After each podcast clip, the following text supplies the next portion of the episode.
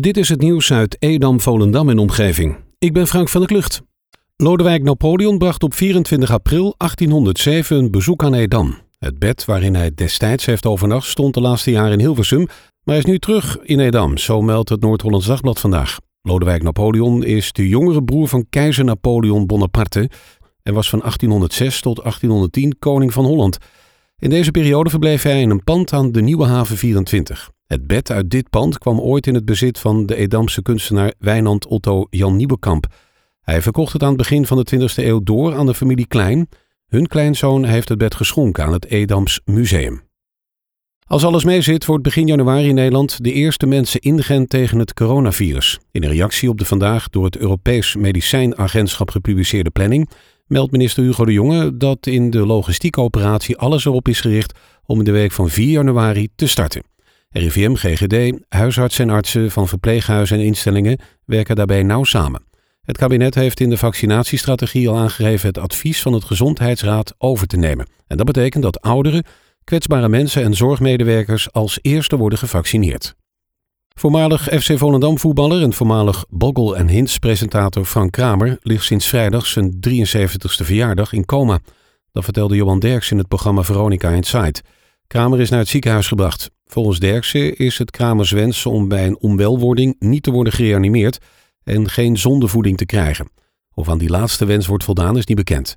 Bij FC Volendam speelde Kramer zijn beste wedstrijden, zo zei hij begin dit jaar tegen NH Nieuws. De bewoners en de vele bezoekers van Marken kunnen weer genieten van een extra kleurrijk straatbeeld. Wooncompagnie liet 15 monumentale houten woningen opnieuw schilderen. Zo wordt blijvend een bijdrage geleverd aan het beeldbepalende aangezicht van deze historische plaats. De werkzaamheden zijn uitgevoerd door het Schilderschilde uit Volendam. Het aantal dagelijkse besmettingen met het coronavirus is in Zaanstreek-Waterland na twee relatief rustige dagen weer omhoog gegaan. Tussen maandagmiddag en dinsdagmiddag kwamen er 93 nieuwe gevallen bij in de acht gemeenten in de regio. Het zijn Zaanstad en Purmerend die ervoor zorgen dat de grens van 11.000 gevallen op twee na bereikt is. Edam-Volendam heeft de relatieve rust gevonden met zes nieuwe coronabesmettingen in 24 uur tijd, waarmee het totaal op 1351 komt. De gemeente Oostzaan tekent vijf nieuwe gevallen op en staat inmiddels op 347. Minister Ollongren van Binnenlandse Zaken en Koningsrijksrelaties heeft gisteren een aanvullend wetsvoorstel op de tijdelijke wet verkiezingen COVID-19 bij de Tweede Kamer ingediend. Doel van dit wetsvoorstel is het om voor kiezers van 70 jaar en ouder mogelijk te maken hun stem per brief uit te kunnen brengen. Ook wordt met dit wetsvoorstel geregeld dat in elke gemeente twee dagen voorafgaand aan woensdag 17 maart één of meer stemlokalen geopend zullen zijn om kiezers eerder te laten stemmen. Doel van deze extra mogelijkheden voor het uitbrengen van de stem is om kiezers zoveel mogelijk te spreiden. Voor kinderen uit gezinnen die het minder breed hebben, is de decembermaand minstens wel extra zwaar. Ook in Volendam zijn er gezinnen voor wie het niet vanzelfsprekend is dat zij hun kinderen kunnen verwennen met cadeaus tijdens de feestdagen. Speciaal voor deze kinderen heeft FC Volendam een verrassingspakket ter beschikking gesteld.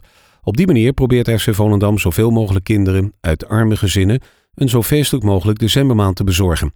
Spelers van de club hebben zich ingezet voor deze actie en hebben de pakketten samengesteld en ingepakt. Op 17 maart vindt de verkiezing voor de Tweede Kamer plaats. Ook in de gemeente Landsmeer mag iedereen vanaf 18 jaar weer zijn of haar stem uitbrengen.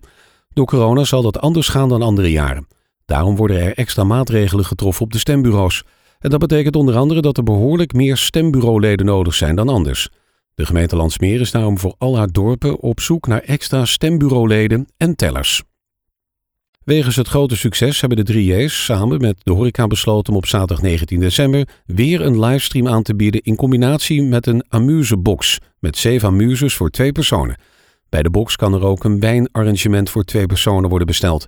Wanneer je niet in Volendam woont, kan je natuurlijk ook meedoen. Je kiest dan in het afrekenmenu voor bezorgen.